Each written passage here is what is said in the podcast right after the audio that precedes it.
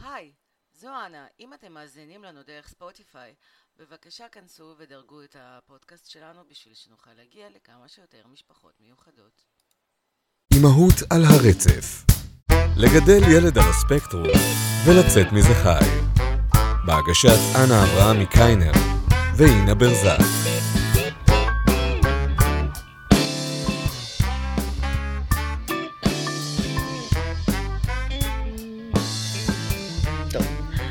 אז אה, שלום, אינה, מה שלומך?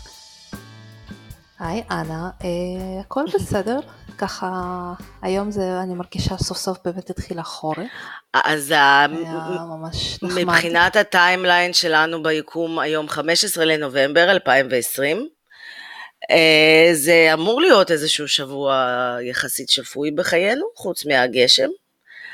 אה, נקווה שאכן כך הוא ייגמר, מבחינת כל ההתערבויות קורונה וכ- ווירוסים וכאלה. אה, על מה תרצי לדבר היום?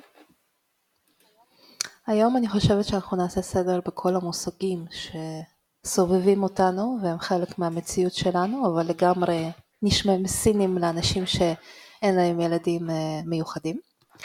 אז אה, רצינו, אני חושבת שכדאי שנעשה סדר עם כל המושגים הגדולים, החיצוניים, וגם המושגים שבו אנחנו זורקות בינינו ככה לבין נכון, עצמנו. ומפחידות לפעמים אה, אנשים אה, בני תמותה מהצד, גם אני ושי עושים את זה, כאילו רוב הזה, אה, וגם אה, זה איזושהי גם בקשה שהגיעה מהמאזינים הנחמדים שלנו, שבעצם אה, אה, אין להם שום קשר למשפחות מיוחדות חוץ מכנראה, לא יודעת, איזשהו אה, סדו-מזוכיזם ולכן הם מקשיבים לנו, והם ביקשו לדעת מה, קצת יותר ולהבין קצת יותר את המושגים. אה, אני חושבת שאפשר להתחיל, נגיד, אה, מתי מתחילים, אה, ממה מתחיל האפיון, או כמו אה, ברוסית היה זה שיר שלימדו אותנו, שברונת שינה יצא רודינה, זה כאילו ממה מתחילה המולדת, זה, כן. אז ממה מתחיל הסיפור המהמם הזה שיש לך ילד אה, קטן חמוד, אה, שקצת שונה, ואתה, כאילו אני, מתכחשת בתוקף לזה שמשהו אשכרה לא בסדר, ובעצם מה, מה, מה קורה? איך מתחילים? אז זהו, אז מתי מתחילים לשים לב? אה, בעיקרון, תמיד צריך להיות עם קצת אה, יד על הדופק. אה, לא תמיד גם שמים לב, זאת אומרת, יש דברים ש... יש ילדים וסיפורים שילדים מתפתחים לגמרי רגיל, הכל בסדר מבחינה פיזיולוגית, מבחינת יצירת קשר עין, ויכולים להיות, להיות איזשהו עיכובים שפתיים. אבל בכל מצב של עיכוב התפתחותי, פשוט כדאי אה, לקפוץ אה, לרופא ולראות מה קורה עם זה. זאת אומרת, לא צריך להיות בלחץ היסטריה, אבל בוא נגיד ככה, אם הילד הגיע לגיל שלוש והוא לא מדבר, הוא לא יוצר קשר עין, ויש לו כל מיני אה, אובססיות. אז זהו, זה אה, משהו ל- מאוד ב- כללי, תני לי לקטוע אותך כבר עכשיו. זה מה, נגיד, נכון, אה, זה מאוד כללי, אבל זה, אבל זה שלושת היסודות שאליהם אנחנו, שסביבם, ואני חושבת שגם כל הורה, יהיה לו קל יותר אה, ככה לשים את עצמו, אוקיי? בואו ניקח את התקשורת, את אז זהו, בואי נדבר על ההבדל ואת השפת כן, גוף. בואי נתחיל אוקיי? לדבר מהעניין הזה של ההבדל בין לדבר לתקשורת. כי למשל דוד לא דיבר, אבל איתי, אבל הוא מאוד אבל הוא היה נכון. מאוד תקשורתי, איתי ועם הבני משפחה. מה זה תקשורת? בעצם גם כשהתחלנו עם כל הבירורים וכל הדודים ודודות מסביב אמרו, מה הוא בסדר, יש לי את הבן דוד הזה, לא דיבר עד גיל חמש, היום הוא רופא וכל הסיפורים האלה. ובעצם ההבחנה הזאת שהיינו צריכים לעשות בין האם הוא מדבר לבין האם הוא מתקשר, זה משהו חדש. אני אתן, אני אתן דוגמה שהקלינאי תקשורת במכון להתפתחות הילד אה, עשתה לנו, שזה היה בערך הדבר היחידי הטוב שקרה לנו במכון להתפתחות הילד. אה, בעצם היא שאלה אותי, איך את יודעת שהוא רעב? אז אמרתי לה, או שזה כאילו לפי שעה מסוימת אני מגישה לו ומציעה לו אוכל, כי אני יודעת שהוא אמור להיות רעב, הוא היה בן שנתיים אז, או שהוא הולך למטבח ונעמד ליד המקרר. מבחינתי זאת הייתה תקשורת. ומה שהיא הסבירה לי שזאת לא תקשורת. זה משפחה חמה ואוהבת. מישהו, ש... ילד שניגש למקרר ועומד שם, ואז מזה אימא מבינה שכאילו צריך להביא לו אוכל, זה לא תקשורת. תקשורת זה אפילו לקחת אותי ביד ולקחת אותי למקרר, או לעשות עמעם, או איזושהי תנועה. אוקיי, אחד הדברים שבאמת אפשר לשים לב זה עניין של הצבעה. או, הצבעה. ילדים שהם על הספקטרום בדרך כלל לא מצביעים. יש משהו שקשור בשפת גוף הזאת של ה... זה, זה איזשהו משהו מאוד מאוד מרכזי, וזה אפשר להבחין עוד לפני היווצרות מבוססת של שפה. ילד רוצה משהו, הוא מצביע על זה באמצע, באצבע, ואז הוא מסתכל ויוצר קשר עין עם, עם המבוגר שהוא רוצה שהוא יביא לו את זה. זה ילדים על הספקטרום בדרך כלל לא עושים. יש כאלה שעושים, אבל זה משהו שהוא מאוד, אה, מאוד מאפיין. זהו, זה... כי בשביל ש... זה כלל אצבע דורש מדהים. בעצם... כאילו, הוא מצחיק, אבל זה כלל אצבע ממש, כן. זה כלל אצבע ממש ממש טוב, כן. אז אה, אם הילד לא מצביע, אז זה יכול להיות אחד הסממנים להרים טלפון למכון להתפתחות הילד ולקרוא אותו. אז זהו, נג... גם ככה, עד שתגיעו לשם אה, יעבור לפחות חצי שנה. אני אז, זוכרת- אה, יש לכם זמן להתלבט. אני זוכרת שרק בתחילת כל הבירורים של דוד, כשעוד הייתי עמוק עמוק בהכחשה, נסענו לאיזושהי חופשה משפחתית, אה, והיה שם, שם חדר אוכל, וראיתי ילד קטן מדוד נכנס לחדר אוכל, ועושה לאימא שלו, זה, זה, זה, זה, זה. ואז הבנתי בעצם את הפער התהומי שה- שיש בין שניהם. אז אה, האמת היא שזה כאילו, זה אחלה טיפ. כן, קדימה, it, אה, תביא עוד. אוקיי, אז אה, מה עוד? אז כמו שאמרנו, אה, עניין של תקשורת, שבעיקר צריך לשים לב לשפת, אה, איך קוראים לזה, שהוא כן מסתכל לעיניים, שהוא כן מצביע, שהוא כן מבטא, גם אם הוא עושה לא לא אבל הוא כן מבטא רצון וגורם לך, לך להבין שהוא רוצה משהו שאתה תיתן לו. זה באמת, כאילו ככה לסכם, באמת זה תקשורת. אה, מבחינת שפת גוף, נפנופי ידיים, ללכת על קצות האצבעות, להסתובב. לדורון נגיד יש קטע של כדורי פיזיו, אוקיי? שמה לידו כדור פיזיו, אין מצב שהוא פשוט לא יתיישב ויתחיל לקפוץ עליו, לא משנה מה הוא עושה בעצם. כאילו זה מין, זה מין תגובה אוטומטית כזאת. אז אה, אומנם אין לו את התנועתיות, החזרתיות הזאת, אבל זה כן מתבטא אצלו בדברים מסוימים, אז נגיד כשדורון הוא על פיזיו אז הוא מאוד מאוד, יש לו את התנועתיות החוזרת, אתה יכול לקפץ בלי סוף במשך איזה 20 דקות חצי שעה. וזה, ומבחינתי אני מבינה שהוא הוא ככה מבטא את התנועתיות הזאת שיש בדרך כלל, או שהוא לוקח את המכוניות שלו, חוץ מזה שפעם הוא היה גם מסדר אותם לפי צבע, גודל ו, וכל פרמטר אחר, אז הוא, עד היום הוא בן עשר, אוקיי? אין לו בובות, הוא לא משחק עם בובות, יש לו מכוניות מצ'וקמקות בתוך קופסת נעליים שאיכשהו כן נתן לי לזרוק אותה, אה, והוא עבר לקופסה אחרת. יש לו איזה שש מכוניות שונות, ואז לוקח אותן ועושה ואז קופץ בכל מקום. אבל זה מה? שמכוניות עושות, אני לא מבינה, כאילו, מה הבעיה עם זה? כן, אבל, נכון, אבל זה לא, אה, זה משחק שלא מתפתח. זהו. זה משחק שהתחיל בגיל ארבע, אוקיי? והיום הוא בן עשר, אז זה אותו משחק. הוא משחק עוד דברים אחרים, הוא משחק עם אח שלו וילדים אחרים, אבל זה שלו, זה משהו שהוא בתוך העולם הפנימי שלו, הילדי, שהוא, שזה גם לא השתנה. אז נגיד זה סממן מאוד מאוד ברור של האוטיזם שלו. זה כאילו איזשהו קיבעון מסוים. ש... שהמשחק כאילו בעצם אה, לא מתפתח, משהו שנגיד הפסיכולוגית שלו, בדיוק. שאנחנו כבר נדבר מתי מגיעים לפסיכולוגית, הפסיכולוגית שלו כן. כאילו לימדה אותנו מה שנקרא להרחיב מעגלי תקשורת, אז נגיד הוא משחק עם המכוניות, השלב הבא שההורה יכול לעשות זה לנסות להצטרף נגיד עם המכונית שלך ולהגיד גם אני רוצה כאילו לעשות ז'ום ז'ום ולראות בכלל איך הילד מגיב.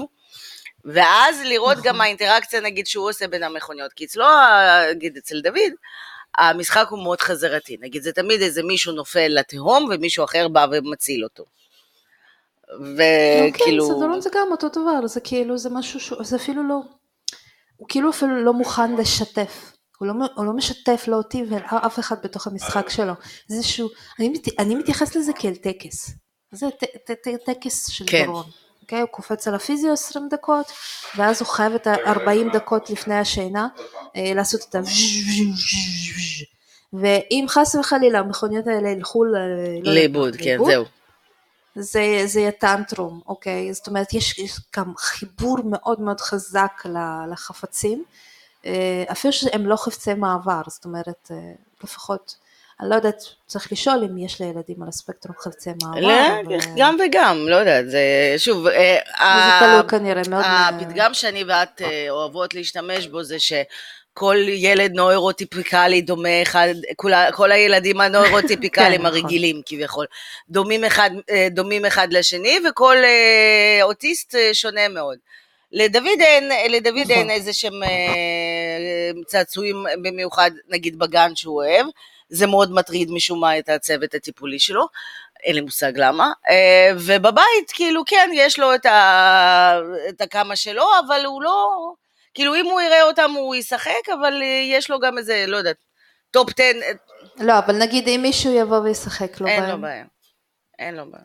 אין לו בעיה, אז לא. בדיוק, אז לדורון זה, זה, זה ממש... אה, כן, ראינו מה אבל קורה. ללא עם קשר, דור. זה יכול לקרות לכל ילד.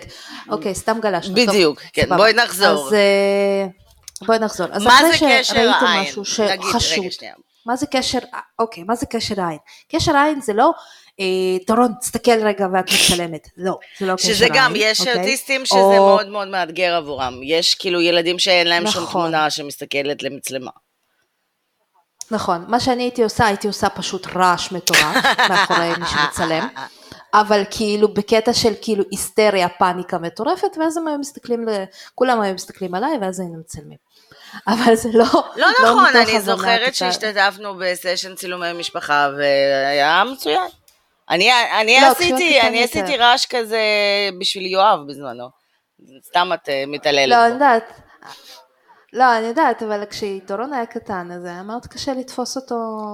כל התמונות שלו כשהוא קטן, בגיל 4, 5, 6, זה תמונות שסבא שלו תפס אותו כזה מזווית כזאת, כן. קצת אומנותית. אהה.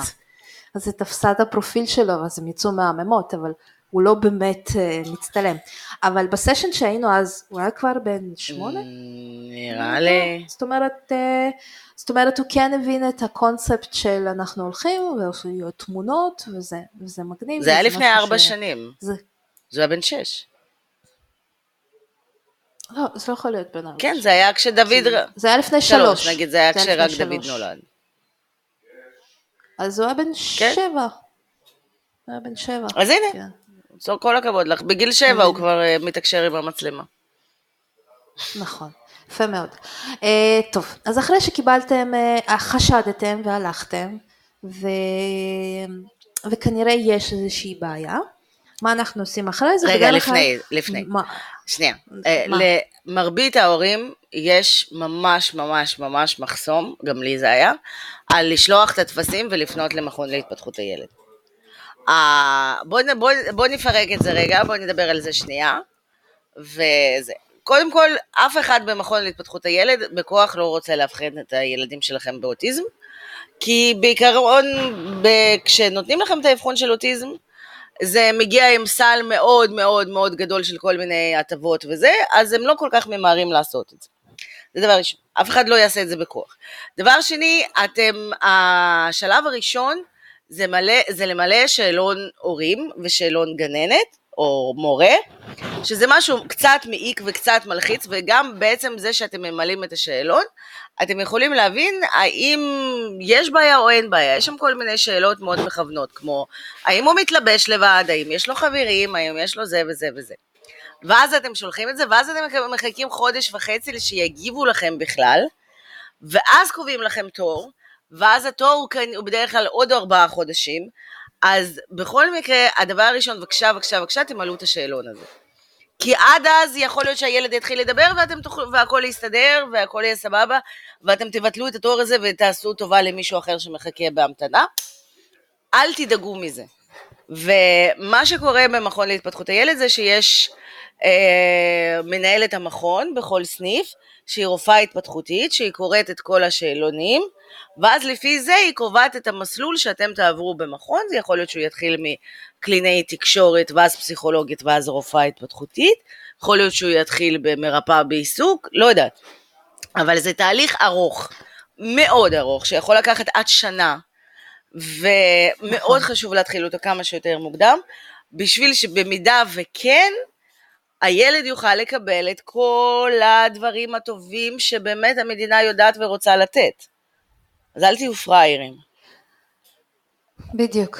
ו, ו, ו, אם אין לכם סובלנות ואתם רוצים לדעת עכשיו, אה, אז אתם יכולים לעשות את זה גם באופן פרטי. זה מה שאני עשיתי. אני התקשרתי למכון להתפתחות הילד, אמרו לי חמודה, נראה אותך עוד חצי שנה, ואז אני אמרתי להם לא תודה, ו- וחיפשתי באופן פרטי. זאת אומרת, אבל בגלל שאנחנו היינו כבר יחסית לקראת גיל ארבע, והייתה שם בעיה שהיא הייתה, היא הייתה בעיה נוכחת וקיימת, זאת אומרת, ידעתי שזה לא איזשהו חשד והכל, וגם הגננת כבר אמרה שכנראה יש בעיה והכל, אז, אז הלכתי באופן פרטי ואחרי זה קיבלתי החזר מהקופת חולים. אבל מקבלים החזר רק אם הילד באמת אכן נמצא אוטיסט. אם הוא לא נמצא אוטיסט, אתם לא אז אין לכם אוטיסט, אבל. שילמתם מלא כסף. ושילמתם, בדיוק. אז אה, זה משהו שפשוט חשוב לדעת, כי יש תמיד האופציה של העניין של איך קוראים לזה. את העניין הפרטי, וזה הרבה יותר מהיר, את... אנחנו קיבלנו אבחון תוך פחות משלושה חודשים. אז זהו, אבל okay. אה, אוקיי. העניין הוא שיש, כאילו כשאני חיפשתי את אותו דבר עם דוד, יש, מרבית, לפחות בדרום זה היה, מרבית הפסיכולוגים לא מוכנים אה, לאבחן ילדים בגיל, עד גיל שלוש, לבד. הם רוצים שבאמת צוות וזה יבדוק אותם. אבל תראו, תחפשו וזה, למרות ששוב, תשמעו, Uh, במכון להתפתחות הילד, כמו בכל מקום אחר במדינה הזאת, עובדים בני אדם ועובדים רופאים, שעובדים גם בציבורי ועובדים גם בפרטי. Uh, יש פרק כזה, יש עכשיו את הדמות הזאת בשב"ס, של כאילו, של הרופא, שאם אתה, ש... נו, לא משנה, כאילו, תראו. תראו את שב"ס, אה, שכאילו בציבורים נותנים לך אקמול או תרופה נגד סרטן ריאות כשיש לך מסמר בתוך היד, ובפרטי פותרים לך את הכל תוך עשר דקות. העניין הוא שגם במכונים להתפתחות הילד עובדים בני אדם, וחלקם נחמדים מאוד, וחלקם מאוד אדיבים, וחלקם מאוד מאוד מקצועיים, וחלקם לא, וצריך לקחת את זה בחשבון, ולא לפחד. ולהבין שהמכון להתפתחות הילד, במידה ובאמת יש אוטיזם ובאמת יש איזושהי בעיה, כמו שאינה אוהבת להגיד, הבעיה קיימת, זה לא משנה מה האנשים האלה אמרו או לא אמרו, או, או מה כתוב על הנייר, למרות שלי היה מאוד קשה לקבל את זה כשאני עברתי את זה. מה שחשוב זה מה שיש לילד ואיך אפשר לעזור לו, ומכון להתפתחות הילד זה תחנה אחת מיני רבות שאולי תצטרכו לעבור, וזה כמו איזושהי גלולה שצריך לבלוע. ובמקביל אולי כן לחפש דרך חברים או דרך קבוצות או לשאול אותנו, או להיכנס לקבוצת פייסבוק שלנו, אמהות על הרצף ממליצ... מדברות, ששם אני גם רוצה לעשות איזשהו אינדקס של המטפלים ואנשים שבאמת אה, אפשר לסמוך עליהם, כמו אולגה המהממת הקלינאי תקשורת שלנו מבאר שבע, אה, שזה בן אדם שאתה פוגש ויכול אה, להרגיע אותך בתור הורה, או בכלל להרגיע, לא רק בגלל מה שהיא אומרת שיש או אין לילד, גם בגלל שפתאום זה מישהו שרואה את הילד ואשכרה רוצה לעזור לו. זה גם לא טריוויאלי. ויכול לעזור. ויכול לעזור לו, בדיוק. אוקיי, okay, אתם צריכים להתייחס לאבחון ולכל התהליך של האבחון כמו לתיאוריה. בדיוק. ולטסט, אוקיי? Okay? אתם עושים תיאוריה, אתם עושים טסט, אתם יודעים לנהוג? לא. אתם לא יודעים לנהוג, אתם רק רשאים להתחיל לנהוג. אז אבחון זה אתם רשאים אוקיי? רק עכשיו להתחיל באמת בתהליך הטיפולי. ככה אתם צריכים להסתכל על זה, זאת אומרת, האבחון זה, באיזה, זה, זה שער כניסה למערכת הטיפולים מבחינתכם. ולכן צריך להתייחס לזה בצורה הזאת, זה פשוט איזשהו שלב שעוברים. מה אתם עושים אחרי זה ואיזה סוגים של טיפולים תקבלו או תבחרו או תעשו, זה כבר תלוי בילד שלכם. ומה שהוא ו... צריך. ואגב, משהו שממש חשוב להגיד, ישראל היא מדינה מצוינת להיות באוטיסט. אבל ממש, נכון, ממש, גם. אנחנו כל כך, הכי טובה בעולם, אנחנו כל כך גרועים, בכל כך הרבה פרמטרים, אבל משהו שאנחנו כל כך טובים. חינוך מיוחד פה קדוש. חינוך מיוחד כן. פה מצוין, יש פה הרבה אנשי מקצוע, גם מבחינה המערכת הגדולה ומשרד הבריאות וביטוח לאומי ומשרד החינוך, כל אותם הגופים שיש לנו, מיליון שמונה מאות אה, טענות מאוד מוצדקות כלפיהם, כל מה שקשור לחינוך מיוחד, בוא'נה, חבר'ה, זה פאקינג VIP, אל תוותרו על זה. הבן שלי, בן ארבע, הולך לגן של שמונה ילדים, יש לו על שמונה ילדים שש אנשי צוות, כל רגע נתון. יש להם שני צוותים טיפוליים, שני צוותים, שתי קלינאיות תקשורת, שני מרפאות בעיסוק, שתי מטפלות באומנות, שניהם עובדים סוציאליים, כלומר כל אחד מטפל רק בארבעה ילדים, הוא מקבל 35 שעות טיפוליות בשבוע, זה משהו לא הגיוני ולא נורמלי, וזה משהו שיכול לקדם את הילד שלכם, וזה לא משנה אם יש לו אוטיזם, או שיש לו איזושהי בעיה בתקשורת קצת, או בוויסות חושי, או עיכוב שפתי, או עיכוב התפתחותי. חבר'ה, גן תקשורת זה הדבר הכי טוב שאתם יכולים לעשות לילד שלכם. ובואו גם, בגלל שאנחנו כאלה כנות וזה, בואו לא נפחד, כאילו, אחד הדברים שפחדנו בעצם כשהתחלנו לדבר על גנים זה עם מי הילד שלי יהיה, הילד שלי בסדר, אבל שאר הילדים הם באמת אוטיסטים. סבבה. שאר הילדים הם גם ילדים שיש להם קושי זה או אחר, וגם להם עוזרים, ועל כל מקום שהילד שלכם מתפתח, יש צוות מיומן, מדהים, שרק רוצה לעזור לו ולתווך ולפתור בעיות. ועוד משהו, משנה לשנה זה שמיים וארץ, אוקיי? מה שהילד שלכם עכשיו הוא בספטמבר, פה נובמבר, איפה שהוא נמצא עכשיו, ואיפה שהוא יהיה באוגוסט, אוקיי? רוב הסיכויים זה יהיה שמיים וארץ. אז אה, ותאמיני לו ש- לא- לא שאז. אם אתם תגלו ופתאום הוא יתחיל לדבר ופתאום הכל יסתדר ופתאום הכל יהיה מהמם אז גם אז אתם תוכלו פשוט לקום ולעזוב וכולם יגידו לכם תודה כי המקומות בגני תקשורת נתפסים בגלל שיש שמונה ילדים ובגלל שצריך לעבור בכלל ועדת זכאות שכבר נדבר עליה וזה בבקשה בבקשה בבקשה בקיצור עוד פעם תיגשו לא לפחד לגשת לאבחון במקום להתפתחות הילד. עכשיו, ספרי לנו מי זאת קלינאית תקשורת, מה היא עושה, ולמה זה בסדר גמור שהיא רוסייה שבקושי מדברת עברית. כי לי זה נגיד קצת הפריע, לא אולגה, אבל היינו אצל אה, קלינאית תקשורת אחרת בהתחלה, שהיא באמת, היא כאילו, היא נחשבת עילוי וכולם סוגדים לה באזור הדרום, אבל היא באמת בקושי מדברת עברית. והיה לי מאוד מוזר, למה אני לוקח, איך אני יכולה לקחת את הבן שלי ל- למישהי שצריכה ללמד אותו לדבר, כשהיא בקושי מדברת שפה.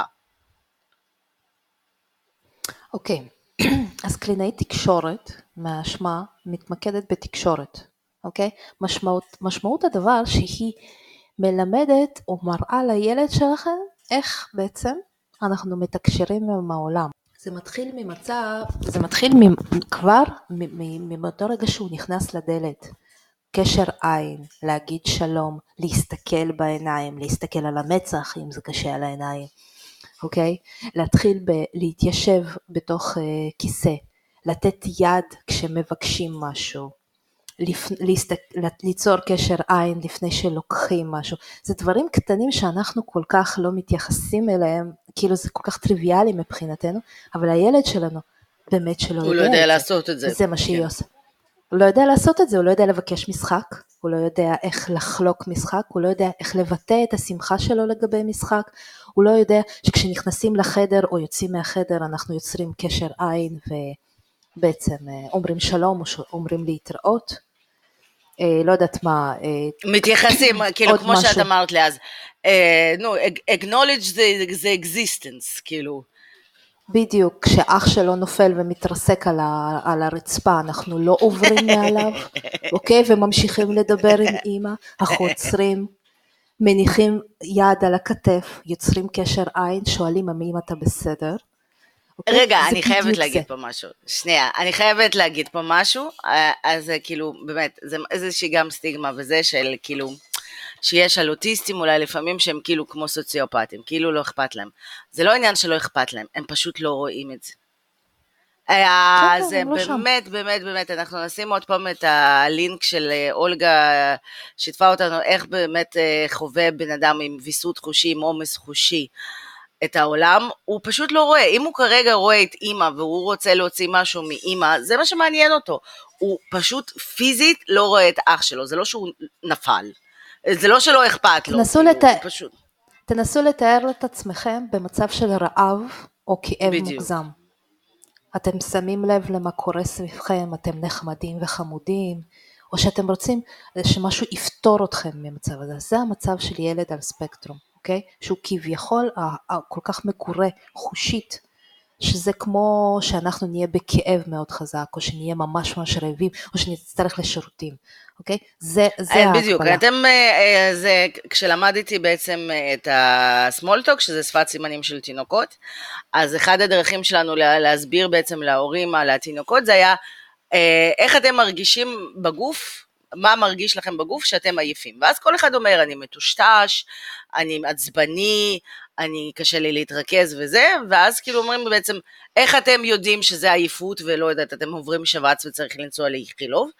אז בעצם היסטוריה, ניסיון, כלומר, זה מה שקרה לי בעבר, הלכתי לישון, זה נפתר. זה איזשהי תהליך למידה שקורה אצלנו בצורה מאוד טבעית, שלא כל כך קורה אצל אוטיסטים.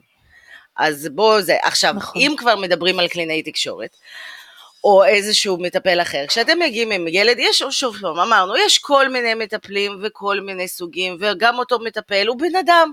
יש לו יום טוב ויום לא טוב, ויכול להיות שבעלה, אה, כאילו מישהו עצבן אותם, או התקשרו מהבנק, או הכלב אכל לה את הנעליים, לא משנה מה.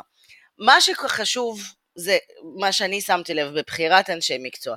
כשהילד נכנס לחדר בפעם הראשונה, המטפל הרבה פעמים, רוצה לתת, הוא מתצפת כאילו, ורוצה לתת לילד את איזשהו מרחב קטן, לראות מה הילד עושה, ואז הוא בעצם צריך להתחיל לנסות להפעיל אותו.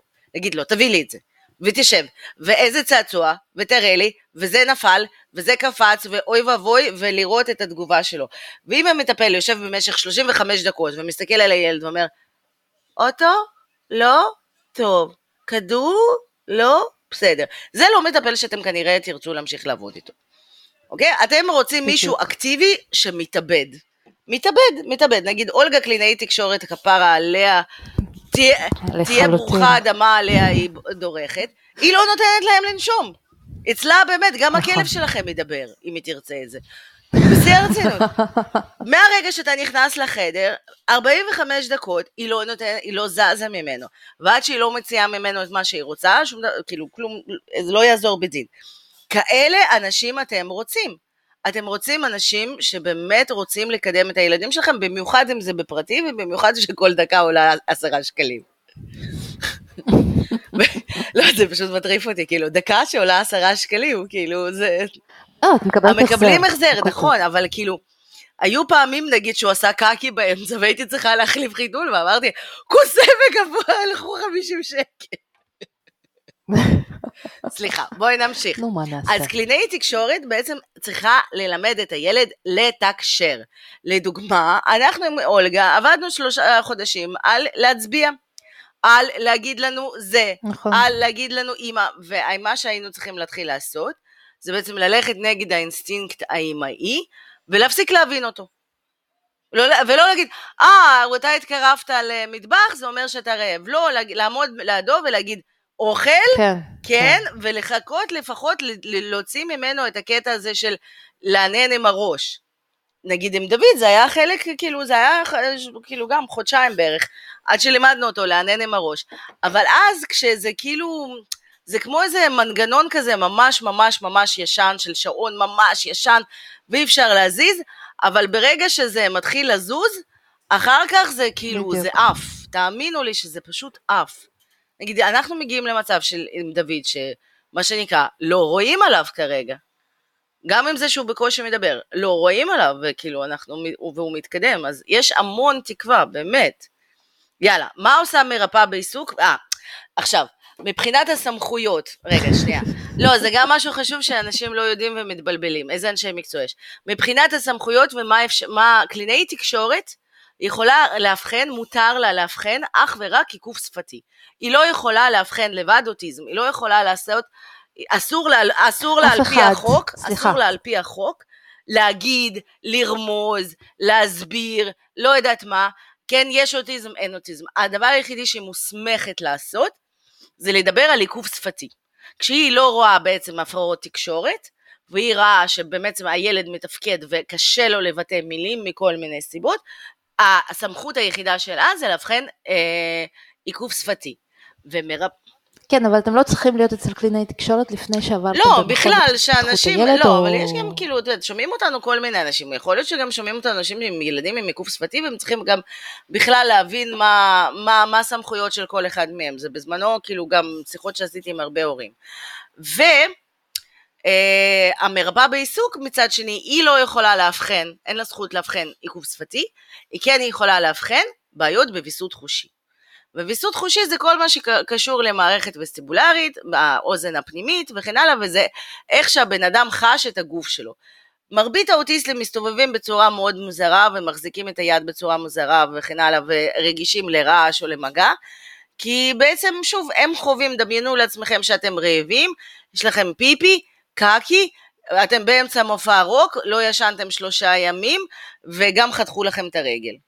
ככה, ככה הילד שלכם מתעורר כל בוקר, באמת.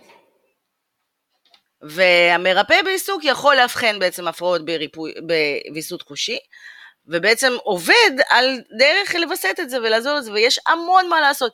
וחלק מהדברים זה מאוד כיפים, זה למשל לשבת בצלחת וסטיבולרית כזאת, זו צלחת מתגלגלת, ולסובב את הילד. הם מתים על זה, ואחרי שהם קמים, פתאום הילד הולך ישר ומגיב ושומע את השם שלו. כאילו, לא כל הטיפולים הם מייאשים ומלחיצים ולוקחים המון זמן. חלקם ממש כיפים, נכון? נכון, לא, לחלוטין. כמו... אתם לא הייתם בריפוי בעיסוק, אתן- אני אתן נכון? לך- אני אתן- אני אתן לכם דוגמה מהעולם של אריק, אוקיי? הוא סיפר לי. זה כמו קוביית קרח שאת מוציאה מהפריזר, אוקיי? ובהתחלה היא לא נמסה, היא לא נמסה, היא לא נמסה, ואז היא מתחילה, ואז התהליך של כן. מלדאון. כשזה עובר נקודה מס...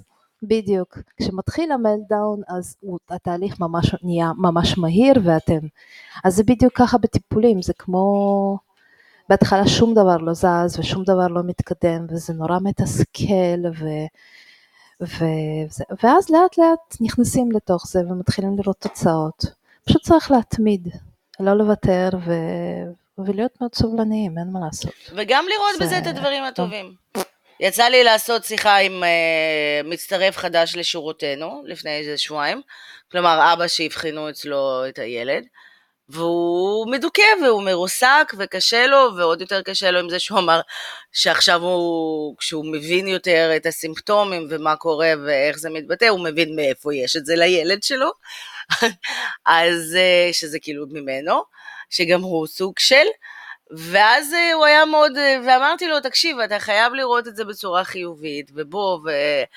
וזה יהיה בסדר, ויש בזה גם דברים טובים. ואז הוא ישב כזה מדוכא, מדוכא, מדוכא, ואז הוא אמר לי, כן, אבל את יודעת מה בעצם, זה מה זה כיף, הוא יכול לשבת ולשחק עם עצמו שעות. זה מה זה נחמד. כלומר, הד- הד- הדרך שלכם לראות גם את הדברים החיוביים ולצחוק על המצב, היא באמת דרך ממש ממש בריאה להתגבר על זה. תנס, כאילו, קשה לראות את הדברים הטובים בהתחלה, אלוהים עדי שמי כמוני יודעת. אבל אנחנו פה בשביל להסביר לכם שיש הרבה אור בקצה המנהרה, וזה לא רכבת, וזה יהיה בסדר, אנחנו מבטיחות. ומה בעצם, את לא הלכת אף פעם למרפא בעיסוק עם דורון, נכון? אה, לא, כי לא היו לנו בעיות ויסות חושי, זאת אומרת לא היה לו בעיה עם.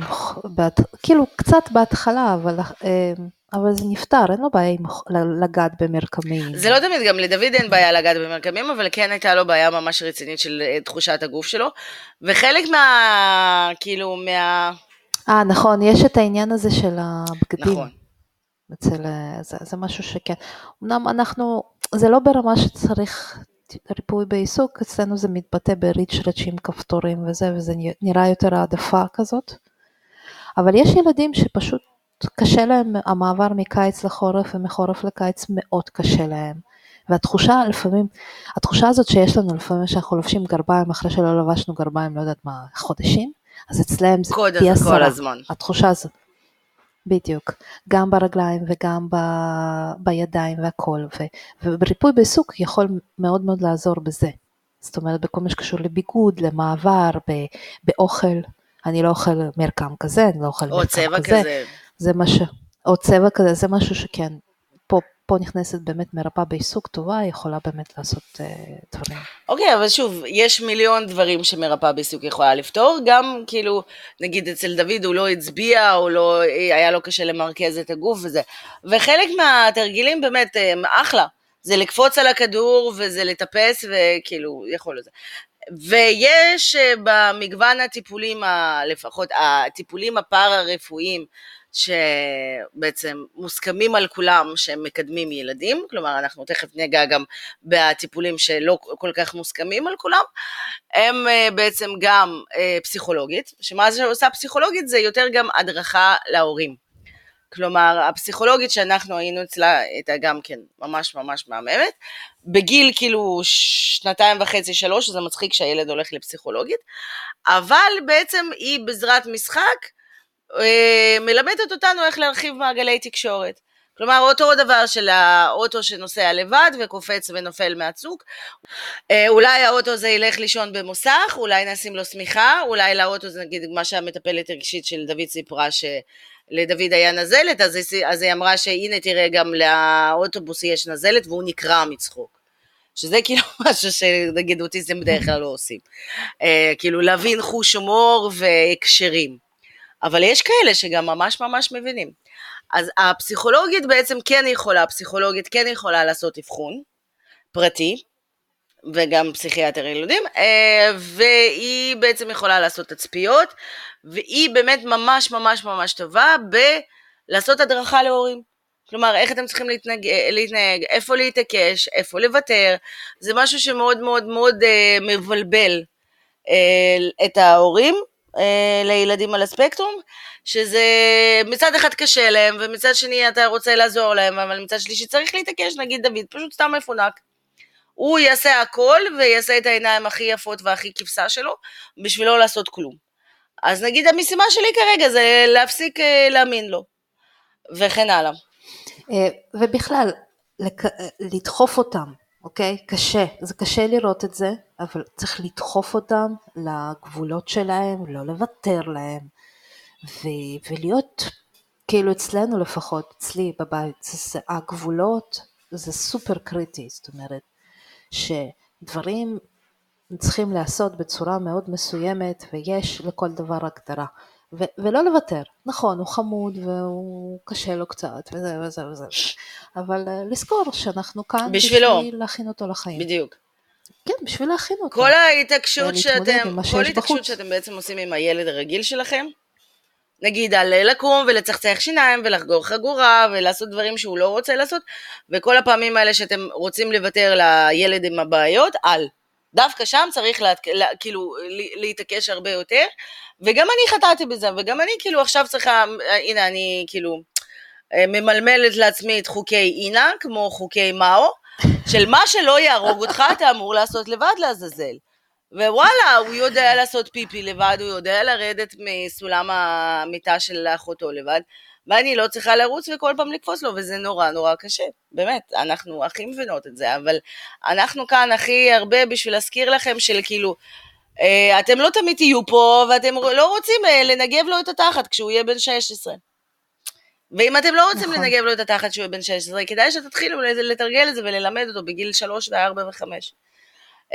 כי גם, כי אחרת זה לא נפתר. כאילו, מה שהילדים רגילים, אה, בסוף זה מתאזן ומשתפר ואיכשהו מוצא את זה, וזה, אצל אוטיסטים יכול להיות שזה לא יקרה.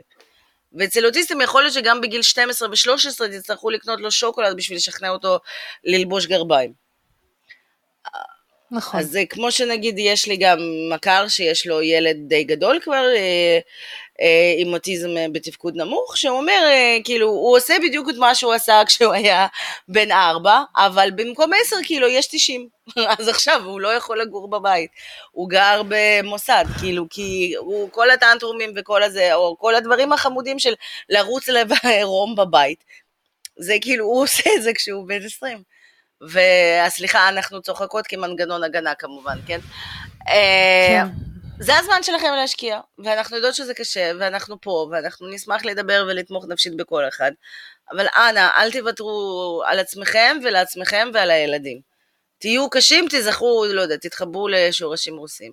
הנה, איך את עושה את זה לעזאזל? באמת, אני לא יודעת. אני היום שכנעתי את דוד לעשות פיפי בעציץ, כי הוא לא רצה לעשות. פיפי. עזוב, כל הסלון שלי היה מלא פיפי. כי הוא לא יודע לכבד עדיין. אבל לפחות קבענו את הקטע הזה שקמים בבוקר עושים פיפי. זהו, אני, אני מאז הקורונה, זה מלחמות עם דורון, עכשיו לא יודעת, ייקח לי לפחות חודש להכניס אותו לשגרה, ואז יהיה עוד פעם סגר. אמ, הקטע של הבקרים זה מאוד, אה, זה קשה. מאוד בעייתי אצלנו, מאוד קשה. אצל, אצלנו לפחות, הוא מאוד קשה לו לקום, מאוד קשה לו להתעורר, ובהתחלה הייתי מאוד נוקשה איתו איתו והייתי מתעקשת.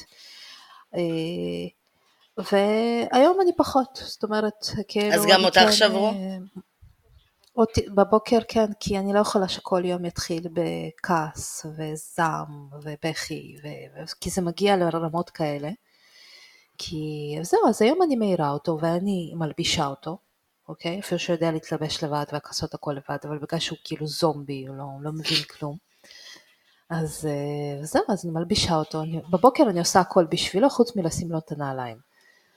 אבל אין מה לעשות, צריך לוותר שם גם בדברים מסוימים. אבל כשהוא קם לבד, הוא עושה את כל הדברים האלה לבד, אבל הבוקר, אין, אני לא יודעת. אבל מה המנטרה שאת אומרת לעצמך?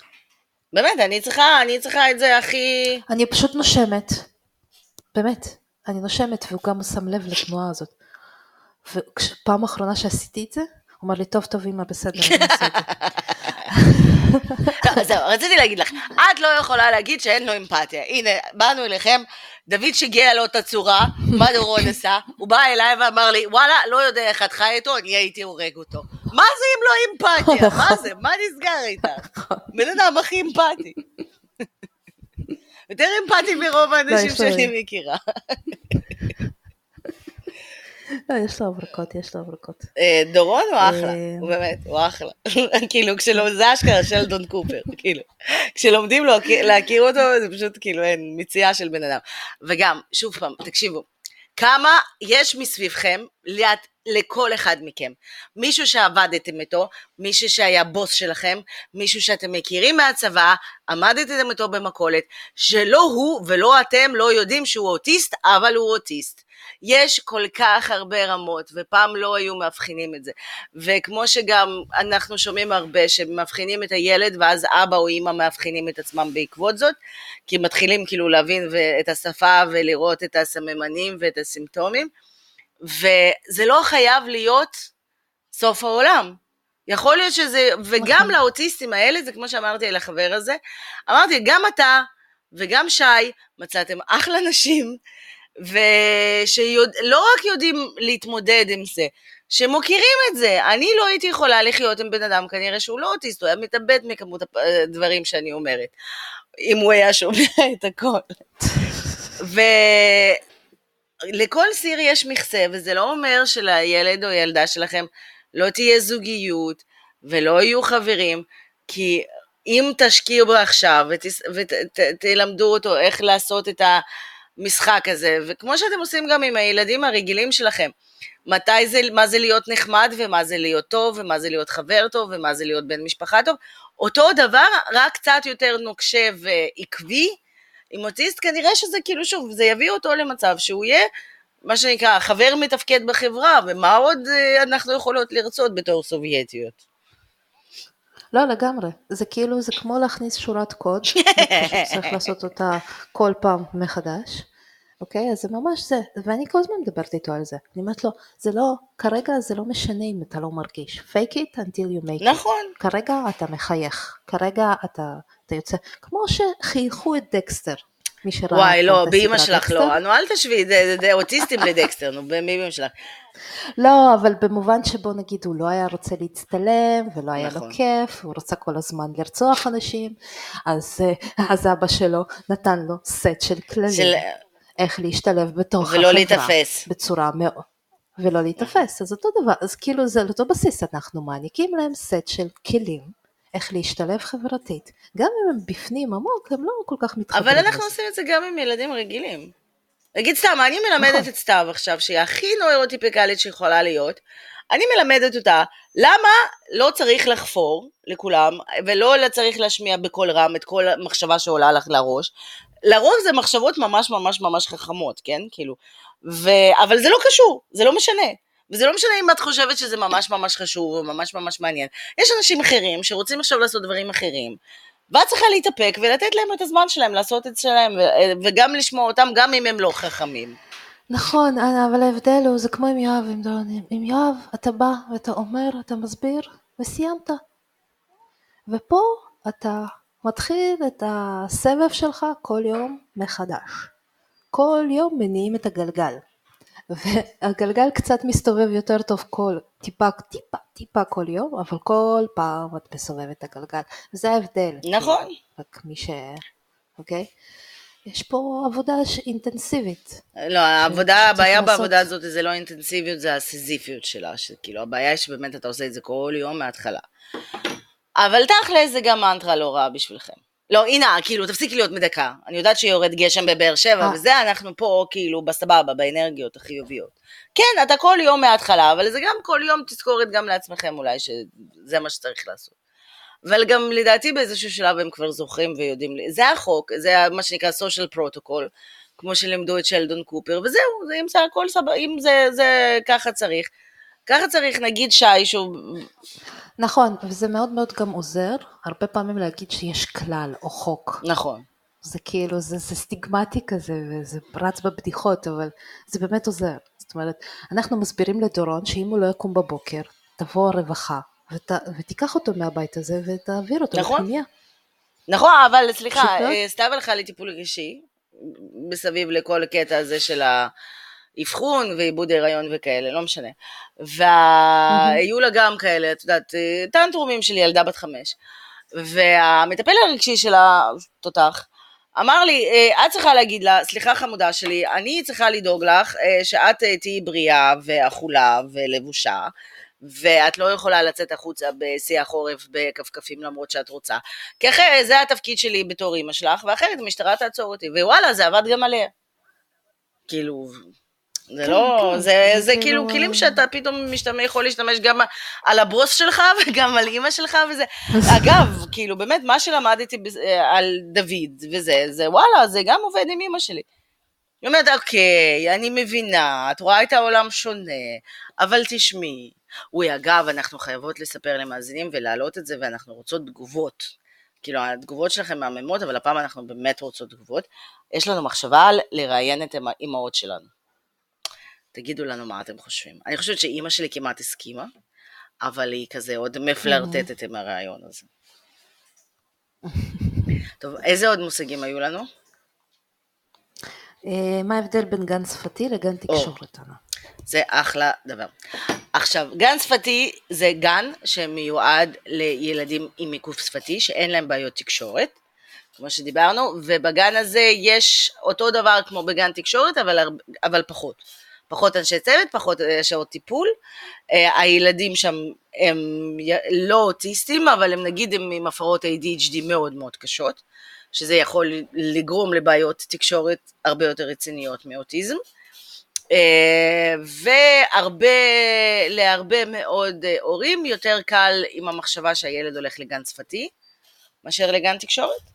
אבל אם לילד שלכם כן יש הפרעת תקשורת, רצוי שהוא ילך לגן תקשורת ויקבל את כל הסל. כי שוב, במה שלומדת גננת רגילה, אחר כך לומדת עוד שנה וחצי גננת של גן שפתי, ואחרי שהגננת של גן שפתי סיימה ללמוד, הגננת של גן תקשורת לומדת עוד שנתיים. אתם רוצים את הלוואי, וכל ילד ב... ב... נכון, בזה היה מקבל את הצוותים שיש, אין לי מספיק מילים להודות, אני גם רואה אותם בעבודה, אני גם לומדת עכשיו אה, בישול ככלי טיפולי, אז אני בעצם עושה השתלמות כזאת לעובדי חינוך מיוחד, וכל אדם שאני פוגשת שם, מדהים אחד יותר מהשני, וכי אנשים זה בעצם אנשים שבחרו את זה כייעוד שלהם, זה לא אנשים רגילים, אה, וכדאי לכם, ממש כדאי, אבל בשביל אה, להגיע לדברים הטובים האלה, אתם צריכים לעבור ועדת זכאות. הוועדת זכאות מורכבת מעובד סוציאלי ופסיכולוג התפתחותי של יישוב שבו אתם נמצאים, ואתם מגישים אליהם את כל המסמכי האבחון, והם מדברים עם ההורים, או שואלים את ההורים מה ההורה רוצה. והם מאוד מאוד מאוד מתחשבים בעצם בבחירה של ההורה. להורה יש בעצם שתי אפשרויות, או מסגרת חינוך מיוחד, או מסגרת רגילה עם שילוב. אינה לדוגמה בחרה את המסגרת הרגילה עם שילוב, ואני בחרתי מסגרת חינוך מיוחד. בואי תספרי לי למה את בחרת את המסגרת הרגילה. אה, קודם כל אני התייעצתי עם אה, אנשי מקצוע, זאת אומרת, גם לא, לא עשיתי איזושהי בחירה גם על דעת עצמי, וגם לפי המלצה של התקשורת וגם לפי המצב שבו דורון היה בסוף אה, גן חובה, שהוא כבר דיבר ותקשר, והיה לו אמנם בעיות במעברים, אבל הוא לגמרי בעצם יכל להשתלב בתוך כיתה רגילה. ואומנם זה היה קצת מאתגר בכיתה א', הייתי כל שבוע בבית ספר. למה בעצם? אה, הפרעות, אה, התקפי זעם, אה, הפרעות בשיעורים, וכחנות, כל מה שבדור הקודם היה נחשב כילד לא מנומס חוצפן. ואימא שלו לא בסדר. ואימא שלו לא בסדר, כן. אז זה כאלה. ולאט לאט זה בכיתה ב' וג' זה התמתן, ובאמת היום אנחנו כבר כמעט שלא חווים את זה. אה, והבחירה שלי הייתה מתוך מקום שבו אני רוצה ש, שיקדם אותו, אוקיי? ש, שייתן לו בעצם את הכלים ו, ויראה לו בעצם אה, את מה ש... איך, איך, צריך. אז אה, לכן אני בחרתי בגן, בכיתת שילוב. שלא לדבר על זה שזה גם מאוד מאוד תלוי איפה אתם גרים. נכון. זאת אומרת, אני יודעת שאצלנו נגיד הכיתת תקשורת שהציעו לי כאלטרנטיבה, היא פחות מומלצת לפי הקלינאי תקשורת שלנו. אוקיי? אז uh, יכול להיות שאם הייתי חיה באזור אחר בארץ, יכול להיות שכן הייתי מכניסה אותו לכיתה א' לכיתת תקשורת, ואז הוא היה משתלב אולי בהמשך בכיתות רגילות. אבל ספציפית מאיפה שאני נמצאת, אז ההחלטה הכי טובה הייתה לשלוח אותו לכיתה רגילה, בשילוב מורת שילוב, שזה מורה שעובדת איתו פעמיים בשבוע על אה, חלקים החברתיים, וכל מיני איך מדברים עם חברים, איך פותרים בעיות, איך אה, לא מתחצפים למורה. למה לא מתחצפים אה, למורה? למה לא מתחצפים למורה? שצריך לכבד את האנשים שהם מבוגרים ממך, שאתה לא יכול לדבר איתם, כאילו הם החברים שלך וכל מיני כאלה. ובמקביל יש לו סייעת צמודה אליו, מהבוקר, מאותו רגע שבהתחלה הוא היה בבית ספר אחר אז היו לו הסעות, מאותו רגע שהוא נכנס להצעה ועד אותו רגע שהוא מגיע הביתה, הייתה צמודה אליו סייעת וגם בהתחלה הייתה ממש צמודה ואחרי זה לאט לאט היום היא כזה צופה עליו מרחוק. ועוד סטיגמה, בואי נשבור עוד סטיגמה, נגיד אימא שלי וגם זה. יש עכשיו מלא ילדים עם סייעות, מכל מיני סיבות. שוב פעם, ברוך השם, כאילו, אלרגיות, אלרגיה. בדיוק, יש אלרגיות, יש סייעת בגלל ויסות חושי, יש מכל מיני סיבות. אה, העניין הזה של ילד עם סייעת זה משהו מאוד מאוד נפוץ. אתם לא צריכים לפחד שהילד שלכם יראה מוזר וכולם ישאלו מי זה הדודה המוזרה הזאת. הכל סבבה. כאילו... לא, גם זה כל כך נפוץ שבבית ספר החדש אה, אפילו אף אחד לא שאל. זאת אומרת, אצלם יש מלא ילדים משולבים, וכמעט בכל כיתה יש סייעת, והילדים רואים אותה כחלק מהצוות החינוכי. זאת אומרת, היא באה לשם כביכול בשביל הכיתה. בדיוק, ואין שום סטיגמות ואף. אחד לא מציק לדורון ואומר לו, הנה אתה מוזר, אתה מסתובב עם מישהי, נכון? ממש לא, זאת אומרת, ואני נורא פחדתי. נכון, בדיוק, בואי בוא נציב, בואי נדבר בצורה גלויה על כל הסרטים ש... אנחנו הרי פה בשביל להגיד מה שאנשים מתביישים. כאילו, זה, זה לפחות התפקיד שלי בחיים, ככה אני מרגישה. זה מה שחשבנו עליו, זה המחשבה שאת חוברת, שהילד שלך פריק, וכולם, כל האחרים יגידו אתה פריק וזה, אז לא, אז זה פשוט לא. כמו שנגיד בפינלנד, לכל אה, ילד, כל ילד, יש לו איזושהי תמיכה של חינוך מיוחד, אז אף אחד לא מיוחד. כי לכל ילד יש איזשהו קושי. אז בקיצור, לא לפחד ממשלבות, סייעות וכן הלאה. יש להם איזה קליקה בבית ספר, הם עובדים לרוב ממש ממש טוב. מה שאתם כן צריכים להבין על הסייעות האלה, זה שבעצם הן עובדות עירייה. אה, לא נדרש בעצם שום דבר בשביל להיות נכון. אה, סייעת. כלומר, אתה פשוט ניגש לעירייה והופך להיות סייעת.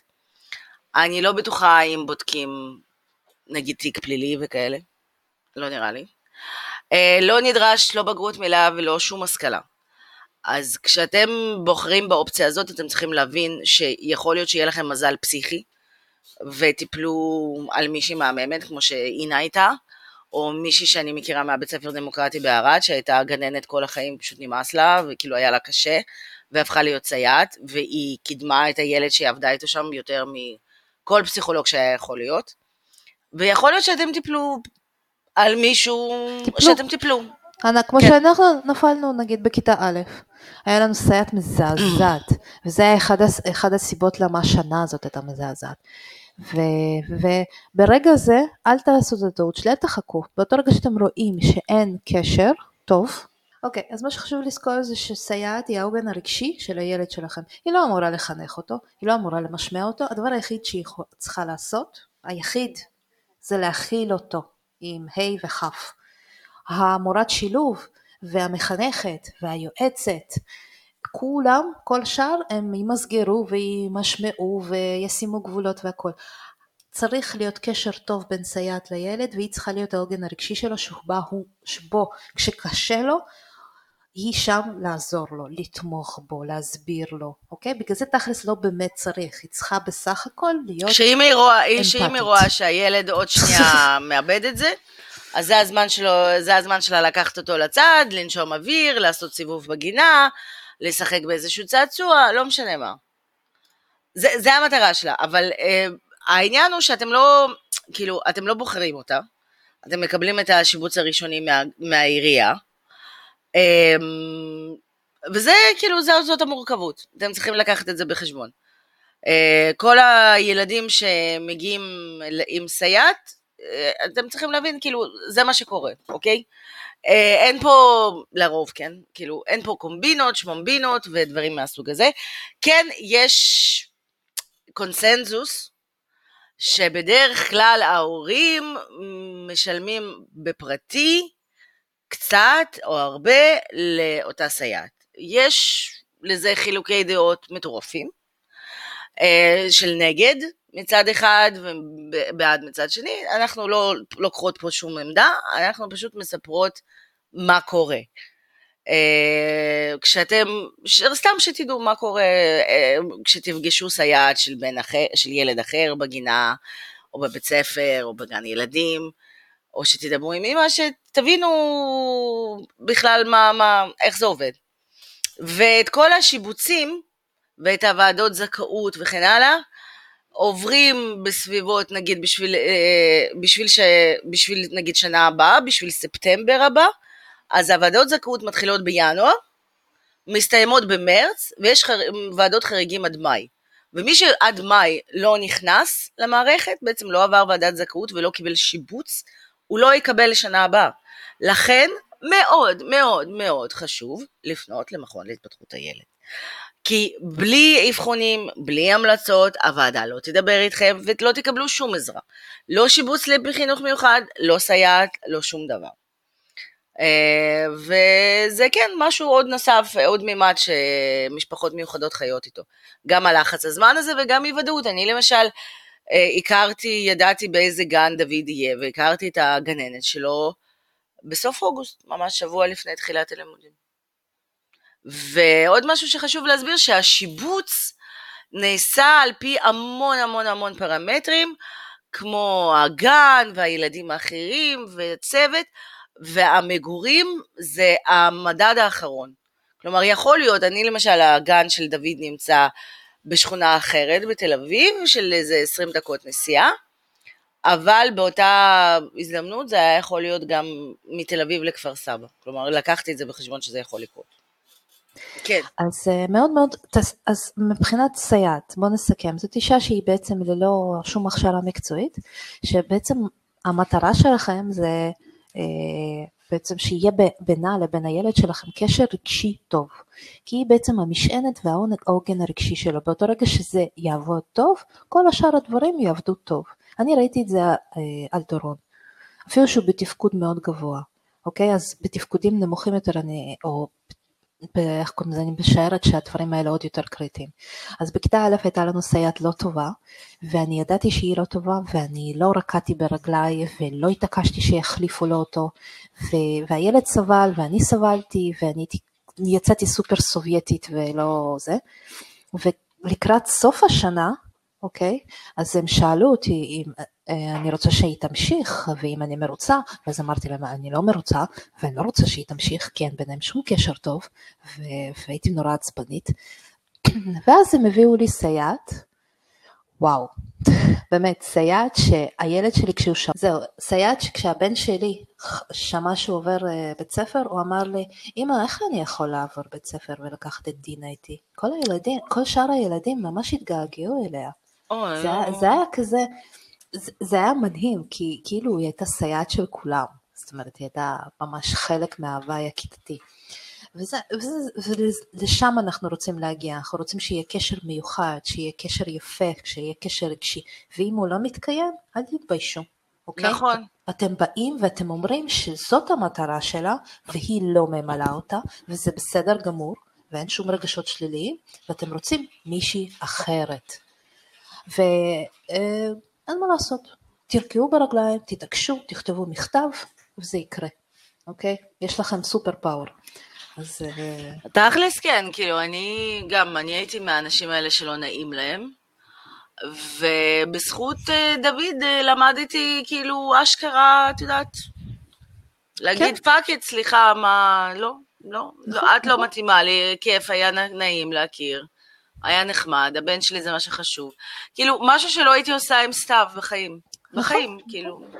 פשוט כאן זה הופך להיות ממש הרבה יותר קריטי, אז כאילו אין לך ברירה, אז הנה עוד כוח על שאתם רוכשים. זה גם כל, וכל העניין הזה של הבירוקרטיה, וואו, אתם תהיו אלופים, שחבל על הזמן, כל החברים יבקשו מכם לפתור את כל הבעיות שלהם בביטוח לאומי, כאילו, כי אתם תהיו אלופי בירוקרטיה. אבל שוב, ההמלצה הנוספת שלנו, עוד פעם, ברגע שיש לכם חשד, אנא, תמצאו חבר, שכן, מישהו שאתם מכירים מהשכונה שלכם, מהקהילה שלכם, שעבר משהו כזה, שיעזור לכם.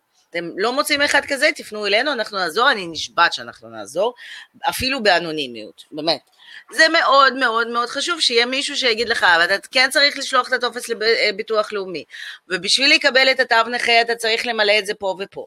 ויש את עמותת אל תעברו את זה לבד, בקיצור, זה מה שאני רוצה נכון, להגיד לך. אל תעברו את זה לבד. ויש את תעשו ויש את עמותת עלות, שהם מדהימים ואלופים, והסיבה שלילדים שלנו מגיע כל כך הרבה, ולכל עיכוב אה, שפתי, כל עיכוב אחר לא, זה בזכותם, אה, והם גם תמיד שמחים לעזור, ויש הרבה מאוד מאוד מאוד מעגלי תמיכה ועזרה, בקבוצות פייסבוק וכן הלאה, של כאילו גם לשאול שאלה מאוד נקודתית של איך אני ואיפה אני ממלאה את הטופס לקבלת תו נכה, לבין אה, מה אני זכאי ומה אני לא זכאי, ואיך אני מקבל את הסייעת ואת המשלבת ואת הזה ואת זה, ועם מי בעירייה אני צריך לדבר, כי בכל עירייה לפעמים יש איזשהו שוני בתפקידים. אל תפחדו, תחשבו שאתם לבד ואתם יחידים. יש אלפי משפחות בישראל שעברות את זה ועברו את זה, וכמו שאורטל אה, אמרה, בקרוב נהיה הרוב. ויש, כאילו, באמת, אל... את יודעת, זה דרך, זה דרך שאימא שלי מתמודדת עם זה. היא כן. אמרה לי את זה לפני איזה חודש, היא אומרת לי, את יודעת, אינה, אני הבנתי שהם נכון. העתיד. כאילו, זה היה, אה, זה היה כזה יפה, זה היה אבל אני לגמרי מסכימה איתה, תקשיבי, אני פעם... היינו צריכים את כל היכולות התקשורת שלנו בשביל לשרוד בשבט. למה היינו צריכים שבט? כי היה צריך להרוג את הפומות ואת היגוארים. הרגנו כבר את כל הפומות והיגוארים. לא צריך שבט, אתה כן צריך להיות, להיות לבד עם היכולות שלך והתקשורת, כאילו, ולהתרכז במשהו. נכון, אבל תינוקות עדיין צריכים חיבוקים בוודאי, בוודאי, אנחנו פה לא, זה, סליחה רגע, למה אנחנו הולכות, הנה, אוי, בנוגע לחיבוקים ונשיקות, אפרופו אימהות, לא, אתם חייבים להצביע, בבקשה, תצביעו, ותגידו לנו שאתם רוצים שאימא שלי תבוא להתראיין, וואו, זה יעשה לכם חיים חבל על הזמן. אימא שלי עשתה איתי שיחה, ממש, לפני שבוע וחצי. אמר לי, אנה, אני יודעת מה הבעיה של דוד. אמרתי לה, אוקיי, זה כבר מתחיל טוב. מה הבעיה של דוד? אומרת לי, את אוהבת אותו יותר מדי. את אובססיבית mm. עליו, את חושבת שהוא תינוק שלך, יש ביניכם קשר מטורף. פשוט כיף לו, לא להיות, כיף לו להיות תינוק ולא לגדול, וגם כיף לך שהוא תינוק. זהו. תשמעי, יש בזה משהו. עינה. באיזושהי רמה, ב-10 אחוז, לא? מה זאת אומרת יש בזה משהו? כן אני אוהבת אותו, כן אני דואגת לו אולי קצת יותר ממה שהייתי דואגת לסתיו.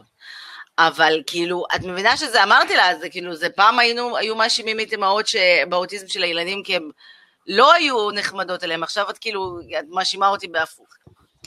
כולם צריכים חיבוק, גם האוטיסטים צריכים חיבוק.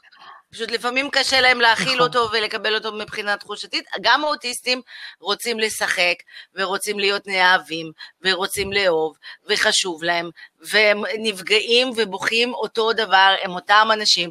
פשוט אני כן חושבת שזה איזשהו צד אחר, של, צד נוסף או אחר או הבא של אבולוציה, באמת. אין כבר צורך בשבטיות הזאת. אין, אנחנו במיוחד בקורונה, תשמעי, הרי קורונה זה חגיגה לאוטיסטים. כל ה-social distancing כן. ולהיות לבד עם עצמך מול טכנולוגיה, כאילו באמת, מה?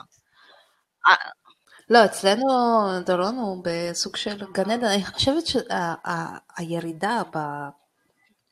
כאילו באופן פרדוקסלי, הירידה בכמות הקונטקסט שהוא כן. עושה, החברתיים, מאז הקורונה, שיפרה את היכולת החברתית שלו. כן, אבל לא, אבל זה מוקד יותר, לא הוא לא עמוס, והוא יכול לבחור. הוא יכול לבחור למען נכון. השם, נו בדיוק. כמו שנגיד, אם אני, שימי אותי באיזה, נגיד, שימי אותי באח הגדול. אני וחברה שלי משת... היינו משתעשעות עם המחשבה הזאת. שימי אותי באח הגדול. ביומיים הראשונים אני הכי אהובה על כולם. ביום השלישי כולם מתים, אני עומדת עם סכין אה, בחדר מגועל בדם ולא מבינה מה קרה. לגמרי. אה, כן, כזה? אתה, אתה קופאית המשתגעת? חד משמעית. חד משמעית. הבנתי. חד משמעית. את לא תגיעי לשם כי את לא נותנת לעצמך להיכנס לסיטואציות כאלה מראש. אני כן. אני נסחפת ואני נכנסת לזה, וכאילו, וואלה, לא, כאילו, לא, ל, לרוב האנשים קשה לתחזק אה, יותר מערכות יחסים מעשרה אנשים, בצורה אינטימית ועמוקה. אה, זהו, אם אנחנו כבר כן. פה, סליחה, אני יודעת שזה טיפה לא כן, לא קשור. כן. יש קבוצה נהדרת שהמורת שילוב שלי צירפה אותי אליה, שהיא נקראת אה, עזרים וחומרי לימוד, אוטיזם סלאש עזרים וחומרי לימוד. אני חיברתי אותה אלייך ואת פשוט לא, לא הגבת, אבל לא משנה. אז המטרה של זה, זה שיש שם המון המון כרטיסיות והכל מאוד מאוד ויז'ואל. אנחנו נגיד כשדורון היה בן ארבע ובשביל לעזור לו בהתארגנות, אנחנו הדפסנו פלקט ענק עם כל מה שהוא צריך לעשות. אה, כן. שהוא קם בבוקר ועושה פיפי. הוא אחרי זה הולך ומצחצח שיניים. אחרי זה הוא בוחר לעצמו בגדים, וממש הכל visual. והקבוצה הזאת, זה מה שהיא עושה, היא אה, שמה המון המון חומרים שאפשר להדפיס. אוי, האמת היא שזה ממש טוב. אנחנו נשים את הקישור של זה בפרק מאוד. שלנו. זה ממש ממש ממש, או שתחפשו כמובן. זה ממש ממש ממש כן. טוב, זה גם יעזור לנו תכלס. אז ככה, בואו נדבר על הדברים החשובים שאתם צריכים לעשות אחרי שתסיימו לקרוא את הפרק, לשמוע את הפרק הזה. ככה, קודם כל, אה, תעקבו אחרינו בפייסבוק. יש כרגע... ש... תפסיק, תפסיק, למה את צוחקת? למה את צוחקת? לא יודעת, למה את צוחקת? קודם כל את נושמת חזק, ודבר שני את צוחקת, מה, מה נסגר איתך? לא, את חמודה שאת אומרת את זה, הרי זה, זה מה שהם הולכים לעשות, אני מאוד מקווה שזה מה שאתם הולכים לעשות. בקיצור, יש לנו שתי דפים. יש דף שנקרא אימהות על הרצף, אה, ויש דף שנקרא ללא איסורי מצפון, ואנחנו התחלנו עם הדף של ללא איסורי מצפון בשם הקודם של הפודקאסט, ניסינו להחליף אותו, פייסבוק לא נותן לנו, לא יודעת למה, אז פתחנו עוד דף. אז אה, תכלס תעקבו אחרי שניהם כי בואו נראה מה נעשה איתו בהמשך. ויש לנו קבוצה שנקראת אמהות על הרצף מדברות. שם זה בעצם, זה הזדמנות גם לדבר עם, ולשאול שאלות, ואם אתם מתעניינים, או להכיר הורים אוטיסטים אחרים, או להציע לנו פתרונות להוצאות לכל מיני, לפרקים הבאים, או לראות את כל הדברים השימושיים שאנחנו נשים, כמו את הקבוצה הנהדרת הזאת, ואם כבר אנחנו בחלק של המלצות, אני חייבת להמליץ לכם על פודקאסט שנקרא לדבר זה לא משמין, זה בכלל לא קשור לאוטיזם, זה על אוכל, זה של אה, אפרת, אה, אפרת אנזל ואורן לוקסי, זה מאוד אוטיסטי, זה קצת אוטיסטי, הם כל פרק לוקחים אה, חומר גלם, נגיד בצל, ומדברים שעה על בצל.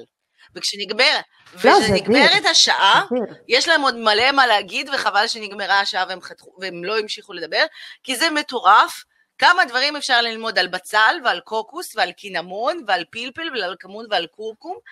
אה, ואגב, נגיד לימים האלה, הנה, אני מכינה מתכון שאת גאה בי, הנה, אני מכינה מרק פול עדשים עם כמון, הכי טבעוני שיש, הכי כאילו בריא מפוצץ. ביסרה, לא? ביסרה, ביסרה, נכון.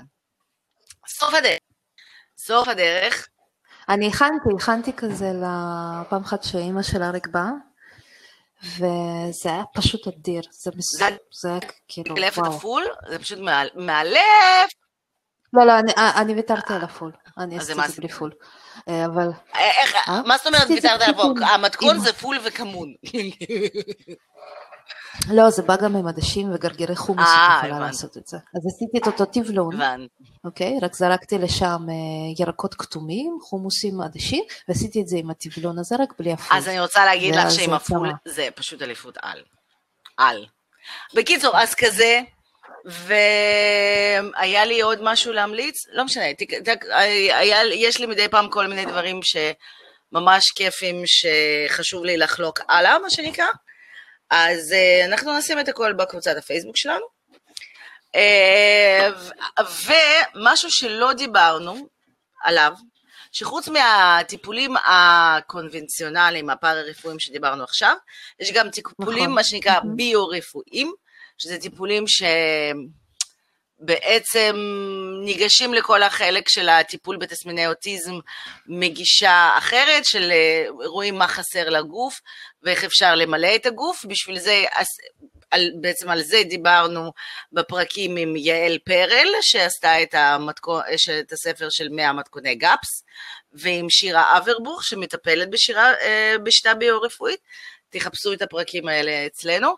אה, ואנחנו עוד נמשיך לדבר על זה. ואנחנו אוהבות אתכם מאוד, ותודה שאתם מאזינים וממליצים ועושים לייקים, ואנחנו, ותכתבו לנו, אנחנו עונים לכולם, לכולם, אנחנו מבטיחות. גם אם יש לכם שאלות נכון. אישי, אתם יכולים לפנות אלינו, זאת אומרת, גם אם, כמו שאנה אומרת, לא מצאתם עדיין את הבן זוג שלכם לחוויה, אז אנחנו יכולות בעצם ללוות ולשלוח לכם לינקים ולהסביר לכם, ואפילו לדבר איתכם בטלפון אם צריך. זאת אומרת, אנחנו כאן בשביל שתוכלו לעבור את זה יותר בקלות, אז ממש תשתמשו בזה, אז אנחנו לא אומרות את זה סתם. האמת שיש לנו איזה מאזין שאנחנו צריכות לראיין גם, אנחנו נעשה את זה באחד הפרקים הבאים. אוהבות אתכם מאוד. תחזיקו מעמד, אל תהיו חולים בחורף הזה. ביי יוש.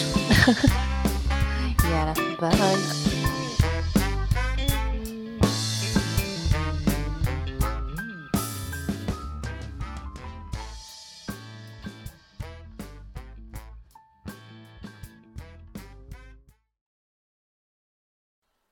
היי, זו אנה. יש לנו גם ערוץ יוטיוב, חפשו אימות על הרצף או סמארט מאמה ותוכלו לראות אותנו גם בווידאו.